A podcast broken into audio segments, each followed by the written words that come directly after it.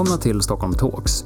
Nu bjuder fastighetsägarna in till samtal om Stockholms framtid. Vi tror det behövs en arena för diskussionen om var den här staden är på väg. Hur rustade är stockholmarna och hur rustade är Stockholm som stad för allting som kommer att hända framöver? Vilka är våra möjligheter och utmaningar? Och inte minst, vad gör stockholmarna glada? Vad gör att våra besökare vill återvända?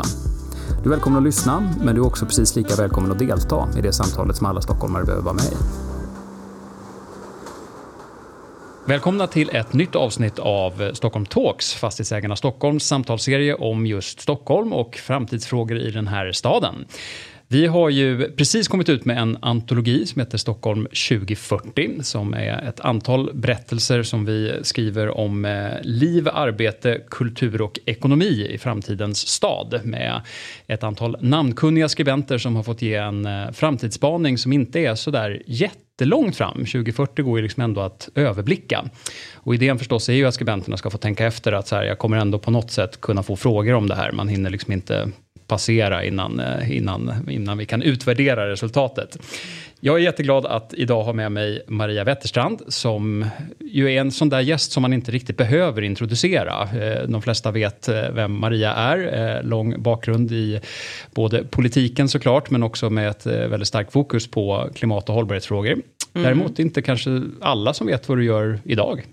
Nej, men faktum är ju att alla vet inte att vad jag har gjort förut heller. Är det så? Mm, jag föreställer mig ändå liksom att ja. så folk hejar på stan. Och liksom... Det finns en och annan, men det är ju ändå över 11 år sedan jag slutade nu. Så att mm. jag tycker man kan förlåta människor om de har glömt bort mig. Jag man hoppas nästan att en del ja. människor har glömt bort mig. Nej, men eh, det, det är ju eh, så att jag var länge i politik. Mm. Är folk trevligare på stan efter att man har varit liksom språkrör eller partiledare? Eller var folk trevligare när man var det? Nej, de är trevligare nu, absolut. Ja, Kanske jag är trevligare nu också, man vet inte. ja, men tack eh, för att jag fick komma hit. Just nu är jag ju då i konsult i Bryssel. Just så att jag jobbar med EU-frågor och hjälper olika aktörer inom näringslivet att förstå vad som händer inom EU. Mm. Så det är det jag gör nu. Och innan det så jobbade jag med hållbarhetsfrågor och hjälpa företag med deras hållbarhetsarbete. Mm. Mycket sånt. Så nu har jag gjort mycket föreläsningar, skrivit en del och eh, gjort ett och annat nöjes-tv-program och sådär också som mm. jag har varit med i. Så, ja, lite allt möjligt. Exakt, vi får se hur vi definierar det här samtalet. Ja, det kanske i, blir nöjespodd. Den, den delen. Ja. Men jag tänkte att vi kunde börja, dels utifrån så här att du är i Bryssel kanske kan leda in oss lite grann på mm. att jämföra Stockholm med andra städer och, och liksom hur både utmaningarna ser ut och hur långt vi faktiskt har kommit i den här stan och så. Mm. Men, men jag tänkte om vi börjar med antologin och ditt kapitel så är ju det, höll jag på att säga, inte av en slump, det är det första kapitlet i, eh, i boken. Och lite grann utav det var snällt av er. Ja, men -huh. och lite grann tanken med det var ju att det här känns som, börjar man inte i klimatutmaningarna och de, liksom, den kris vi står inför så spelar liksom inte det andra så stor roll. Mm. Eh, ditt eh, kapitel heter ju eh, En grön stad utan klimatgetton. Vad är ett klimatgetto för någonting? Ja, nej, men det, det var ju ett begrepp som eh, kom upp här för jag vet inte, det, det, det, kommer lite då och då upp. Och det det handlar om är ju alltså att det, i världen är på väg att skapas områden som är i riskzonen för att drabbas av klimatförändringar och där bostäderna då blir väldigt svåra att försäkra. Och eh, om man inte kan försäkra sin bostad till en rimlig kostnad då kommer den inte heller att ha så högt värde på marknaden. Mm. Vilket innebär att man pratar om då att i de här områdena så kommer det till slut bara bo människor som eh, inte har råd att bo någon annanstans. Mm. Och med risk då att de är väldigt sårbara för olika typer av väderfenomen eller på annat sätt då blir, blir sårbara i samhället för att deras hem inte går att försäkra. Så det kallar man då lite slarvigt för klimatgetton. Och det är ju en eh, fråga som blir större och större. Alltså vi har ju sett nu, det kommer ju hela tiden nya eh, katastrofer som drabbar människor på olika håll runt omkring i världen. Vi har väl inte varit exceptionellt drabbade just i Sverige, men det var inte så länge sedan i Europa man hade de här stora översvämningarna som skadade väldigt mycket städer, fastigheter, människor. Så att eh, jag tror att det här är något man behöver ta på allvar. Mm. Riskerna för vad klimatförändringarna kommer att göra med eh, våra städer och våra, våra samhällen. Jag tänker lite grann på det där med om, om man tänker idag, man kanske, jag vet inte om det låter fördomsfullt eller inte, men, men det är klart att många av de mest utsatta då fastigheterna om man pratar om det, alltså så här, det mest attraktiva man kan bo i är ju sjö, sjönära, men det kanske också ja, är det mest riskabla. Ja. Så, så lite grann kan man ju tänka sig att, att fastighetsvärdena i de farligaste områdena är egentligen just nu de högsta? Är det, är det bra mm. eller dåligt för mm. den omställning som behövs? Ja, ja nej men om det handlar om då att de också har råd att göra investeringar för att skydda sig så kan det väl vara, vara bra då. Men eh, jag ser det ju mera ur ett eh, politikerperspektiv kanske fortfarande än ett fastighetsägarperspektiv på det här sättet att det är ju politiker som bestämmer var man tillåts att bygga och hur man tillåts att mm. bygga mm. också. Och det är ju superattraktivt även för politiker att ha strandnära mm. byggen. Därför mm. att då kommer det människor som har god ekonomi, som betalar mycket skatter. Och man, man kan, kan liksom göra sig själv till en attraktiv stad eller mm. attraktiva stadsdelar och sådär. Så det finns ju även där en, en lockelse i att se lite mellan fingrarna på det här med riskerna ur klimatsynpunkt för att det finns så mycket kortsiktiga ekonomiska fördelar. Och det är ju inte heller säkert att det kommer att hända någonting. Man kan inte vara 100% säker på ja. att det här området kommer drabbas. Och då tänker man att ah, vi tar den här risken. Liksom. Mm. Inte medvetet kanske, men undermedvetet så, så blir det den typen av beslut. Och jag tror att här behöver vi faktiskt styra upp så att eh, vi inte sätter oss i situationer där det är stora områden som riskerar att drabbas. Mm. Jag tänker det är ju, även som du var inne på, både de här översvämningarna i Europa som ju var eh, nyligen, men jag tänker också på alltså, stormen Sandy i New York mm. och, och, att det känns som att rätt många städer har ändå fått upp ögonen för det här på ett helt annat sätt. Mm. Eh, och tittar man, jag pratade med en, eh, en kollega som hade varit just på en studieresa i New York och tittat på en del utav avtrycket som den här stormen faktiskt gjorde och, och, stora investeringar och väldigt mycket fokus i stadsutveckling kring just översvämning. Så att de, var de bra som ett wake-up call ändå de här översvämningarna som kom skulle du säga? Det hade ju varit ännu bättre om man inte hade behövt dem som mm. ett wake-up call. Um, jag tror att de har, de har väckt eh, tankar kring hur man ska skydda sig mera mot den här typen av extrema väderfenomen. I bästa fall har de väl också lett till ett större engagemang för att göra något åt själva grunden, nämligen utsläppen av växthusgaser. Mm. Um, men um, ja, det här gäller inte bara nybyggnation för övrigt, det gäller ju även befintlig bebyggelse. Mm. Det mesta av det vi har är ju redan där. Mm. Och där tror jag att eh, det är egentligen inte jättesvårt att identifiera vilka områden som löper störst risk att drabbas om det blir en stor översvämning. Problemet ligger ju i sen då när man har identifierat det området, vad man ska göra åt det.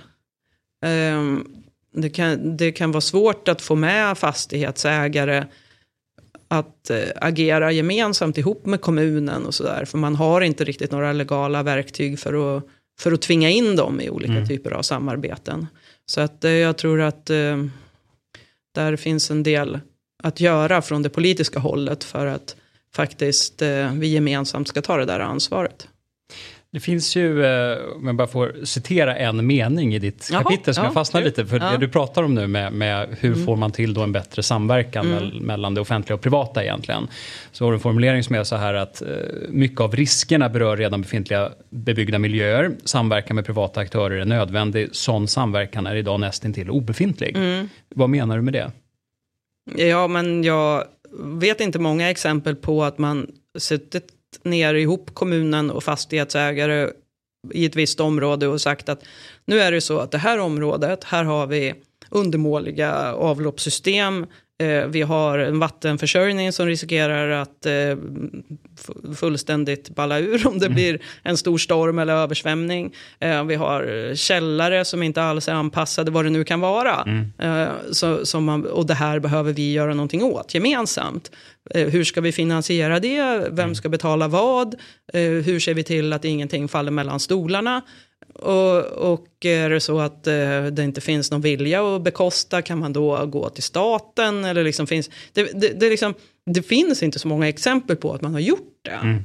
Alltså hela vägen på något sätt? Ja, hela vägen mm. från att eh, först identifiera områdena och sen liksom peka ut vad som är problemen och sen se till att man går därifrån till att faktiskt agera och finansiera. Hur mycket av det tror du är bristande ambitioner och hur mycket är så här att regelverk och lagstiftning inte är anpassat för en sån planering?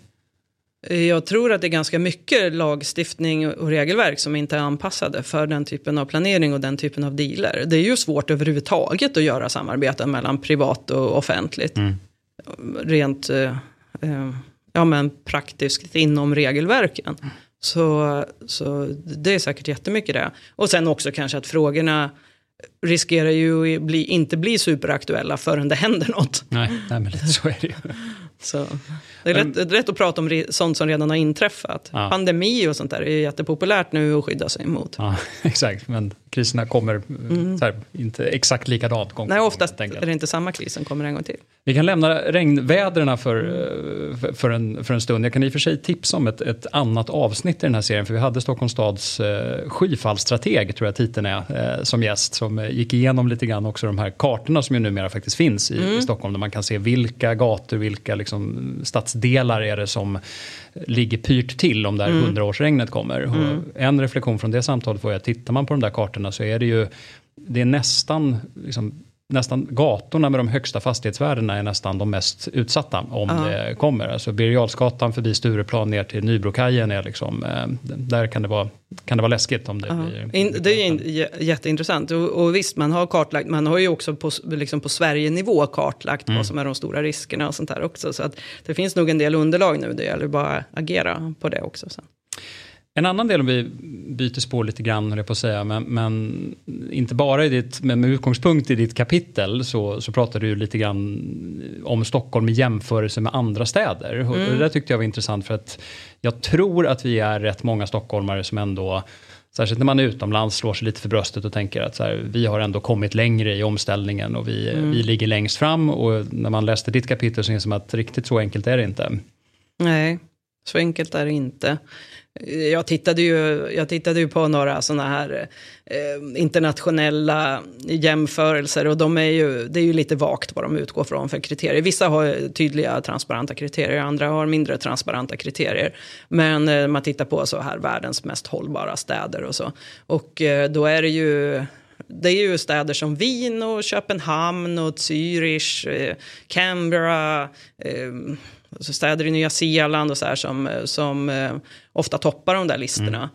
Eh, Nederländerna ligger ju ibland bra till också, Kanada och så där. Så att det, det, det händer att Stockholm dyker upp men det är inte alls så att Stockholm alltid finns med på de där listorna.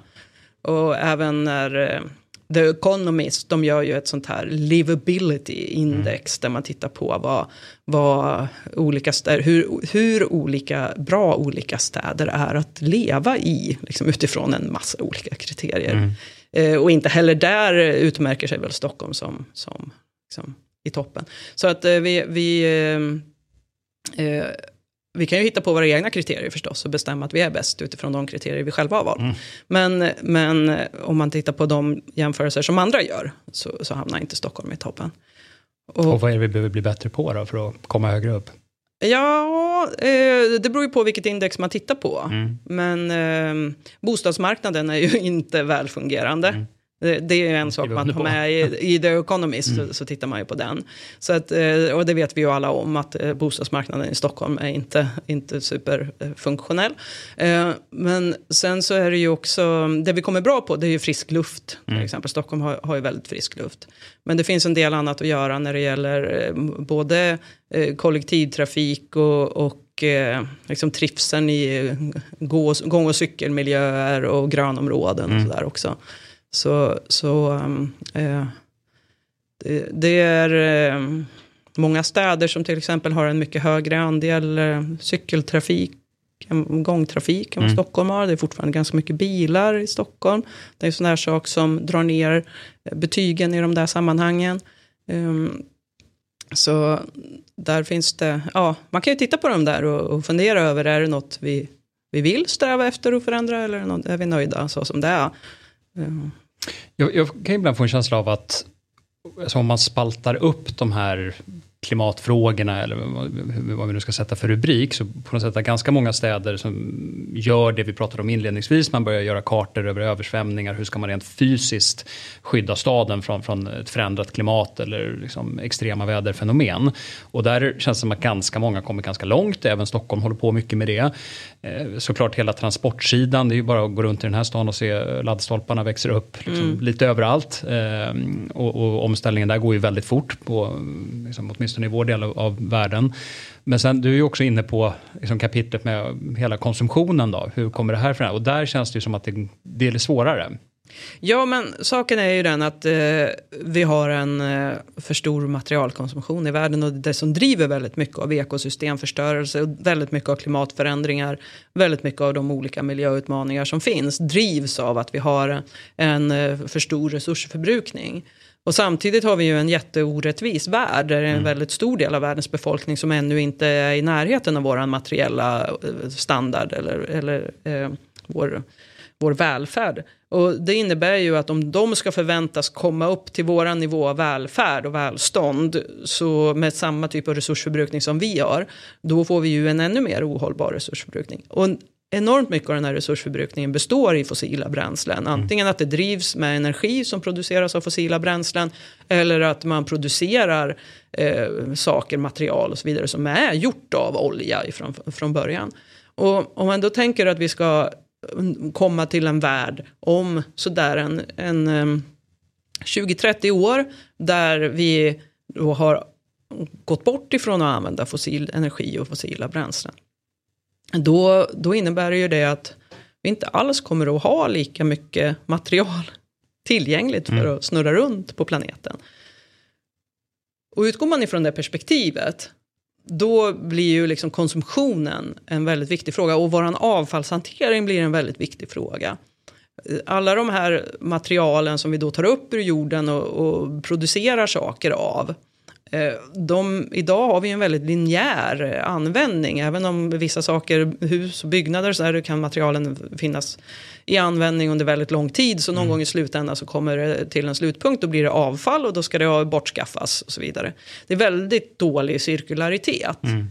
Och det kan ju, finns ju hur mycket rapporter som helst som visar att, eh, att det här med cirkularitet det fungerar oerhört dåligt. Det funkar för fiberbaserade förpackningar mm. ungefär. Eh, det funkar på petflaskor och till viss del för glas och metall, vissa typer av metaller. Men, men för väldigt mycket material, inte minst inom byggbranschen, så är ju liksom cirkulariteten nästan obefintlig. Och det innebär att man måste föra in nytt jungfruligt material hela tiden i det här. Eh, och, och där om man ska bli en hållbar stad som inte driver klimatförändringar på andra sidan jorden, då behöver man ju även titta på eh, resursförbrukningen och, och materialförsörjningen. Mm. Mm. Så att, eh, det är väl det jag försöker lyfta fram, att även om vi skulle ställa om och vi får låga utsläpp från transporter, vi, vi har ju till exempel gått bort från koleldning i värmesystemet mm. i Stockholm och så där. Så även om man löser de frågorna så kvarstår hela den här gigantiska frågan om vår resursförbrukning. Mm. Så vi ska inte tro att det är så lätt. Det, det, är lite lätt, men det är också en del som är lite svårt. Mm. Om man tänker så här då, om man drar ut den där linjen lite grann och tänker sig att eh, i bästa fall då så, så, lyckas vi med det där, då, då kommer vi förmodligen också se en, en stadsbild som ser kanske lite annorlunda ut. Mm. Alltså mer utav mer utav klassiskt hantverk, liksom lokalt tillbaka in i stadskärnorna, kanske matproduktion in i städerna, ett antal... Hur ser du framför dig rent fysiskt en, eh, en smartare stad på det sättet? Mm. Ja, men man kan väl konstatera att eh, tra liksom transporter till exempel, eh, kollektiva transporter är ju avsevärt mycket mer resurseffektiva än, än eh, privata transporter där varje människa sitter i en egen bil som är mm. gjord för fem personer. Eh, men det vill jag inte påstå att vi inte kommer att ha några bilar, för det kommer vi ju säkert att ha. Och det kommer vara ett bra komplement i många fall. Men en väl fungerande kollektivtrafik är ju mm. oerhört viktigt ur resursförbrukningssynpunkt. Men sen när det gäller det här med Eh, eh, materialförsörjningen. Jag tror ju att eh, avloppsreningsverken till exempel, det kommer inte att kunna funka på det sätt som det gör idag. Där man, man får massor med avloppsslam och sen en del av det kan man kanske sprida på åkermark för det håller tillräckligt hög kvalitet. Men stora mm. delar av det, de bara, bara bortskaffas på ett eller annat sätt mm. idag. Eh, det kommer inte vara någon hållbar lösning framöver. Det finns jättemycket värdefulla näringsämnen i det där till exempel som skulle behöva återvinnas. Och sen när det gäller matproduktionen då, ja, kan man göra det effektivt i städer? Det kanske, det kanske går att bygga upp system för att man mm. kan producera mer mat i städerna. Jag tror ju att eh, liksom mark, tillgång på mark är mm. en sån här fråga som kommer vara en, en stor sak framöver. Eftersom vi kommer att behöva så mycket resurser som då eh, är förnybara, det vill mm. säga återväxer. Det har varit väldigt populärt att säga under lång tid att, att städer i sig är klimatsmart. Att liksom ja. bo, bo tätt och tillsammans. Håller, håller du med om det eller finns det utmaningar i det där också?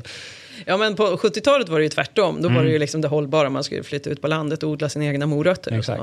Så. Eh, så är inte det där bara att man väljer det man känner själv. Att mm. man Urbaniseringen gillar. är stark så nu säger vi att det är bra. Liksom. Ja exakt, för man gillar städer så vill man att det ska vara hållbart. Och det är det ju på, på, på det sättet att många som bor på en begränsad yta. Liksom.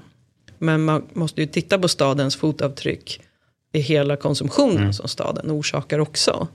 Och, och, den sträcker sig ju långt utanför stadens egna gränser. Mm. Där. Jag tänker lite grann då om man är eh, en, det träder i kraft massa nya regelverk, apropå det vi pratar om nu. Bara det här med, sen första januari i år så är det obligatoriskt för just fastighetsägare att särskilja ut eh, matavfall från fastigheter. Mm, mm. Eh, jag kan avslöja att jag tror att det var under åtminstone slutet av förra året vårt absolut mest populära seminarium vi gjorde på fastighetsägarna. Jag tror att vi har skolat igenom 600 fastighetsägare i såna här webbinarier och seminarier om hur det där ska gå till i praktiken. Mm. Mm. Men, men, frågan som jag egentligen vill ställa är så här om du om du tänker dig, fastighetsägare kan ju vara allt ifrån en liten bostadsrättsförening till mm. Eh, liksom ett, ett, stort börsbolag med ett uh, jätteportfölj av kåkar. Vad, vad, vad är dina rekommendationer? Vad bör en fastighetsägare tänka på för ändå, som vill vara en del i det här och göra sin del av jobbet? Ja, jag tänker att eh, det här med återvinning och liksom att skapa möjligheter för sina hyresgäster eller de som eh, har köpt och bor så här, i det man förvaltar. Eh, det är ju, det är ju något sätt bara grundläggande. Det behöver man ju ha och, och det kan man ju styra med lagstiftning. Men sen är det ju allt annat runt omkring. Hur ser man till att eh, det funkar bra med att transportera sig kanske utan bil från mm. den bostaden där man bor eller det kontor som man hyr och sådär. Kan man erbjuda tjänster på det området? Um, el känns också som väldigt så basic, med mm. grön el och energieffektivitet och sådär. Um, men, men det som ligger utanför ser man till att skapa en trivsam miljö som gör att uh, de här hyresgästerna eller, eller de man förvaltar uh, trivs där och kan leva sina liv på ett mm. sätt med ett lägre fotavtryck. Som inte snurrar igenom en massa onödig mängd material och energi. Man kan säga, utöver en ordförande och kassör och sekreterare i en bostadsrättsstyrelse så behövs det en hållbarhetschef i en BRF också. ja, nej, men jag tror att också medlemmarna i en bostadsrättsförening, många är ju jätteengagerade i de här frågorna mm. också. Och, och Eh, vi har, vi har ju liksom en föreningskultur i Sverige som är väldigt fokuserad på just det där med sekreterare, ordförande och kassör. Mm. Och protokoll och paragrafer mm. och stadgar och så. Eh, men det kanske inte är det som väcker det jättestora engagemanget hos medlemmarna mm. i alla fall. Mm. Utan det är kanske just precis det man gör på, på hållbarhetsområdet. Eller för trivsel mm. och att det ska vara fint och trevligt. Liksom. Så att eh, absolut, det tror jag. Något mm. åt det hållet. Mm. Vi ska börja avsluta lite grann, men jag tänkte så här, för dig som nu bor i Bryssel, liksom har levt länge i Helsingfors och eh, liksom har, har, sett många andra utav Europas huvudstäder. Om du skulle ta några, så här, några spännande saker vi borde liksom, titta mer på ur ett Stockholmsperspektiv. Är det något så här, det där borde vi göra? En sak som jag älskar i Helsingfors, det är att man två gånger om året så har man något som kallas för städdagen. Det betyder att vem som helst får ställa upp ett loppisbord var som helst i stan, inte mitt i gatan, mm, alltså, men, mm. men liksom i parker och så här. Och sälja grejer som man vill bli av med. Mm. Så det blir en enda stor loppmarknad i hela Helsingfors mm. den dagen. Eller och då är det då en gång på våren, en gång på hösten. Det tycker jag är fantastiskt. Eh, jag har själv stått med bord där och sålt en massa av barnens gamla leksaker och böcker mm. och sådär. Och så har barnen fått pengarna själva och blivit jätteglada.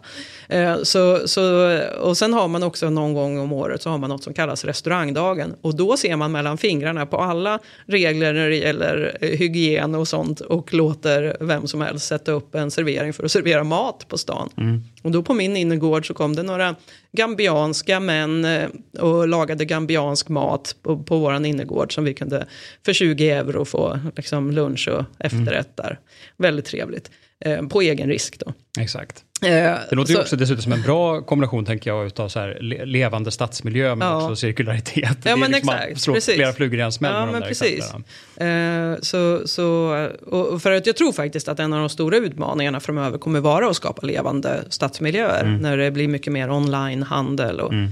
externa köpcentra har ju redan tagit död på mycket. Mm. Så. Men eh, så, så, det tycker jag är lite kul. Eh, Bryssel har ju...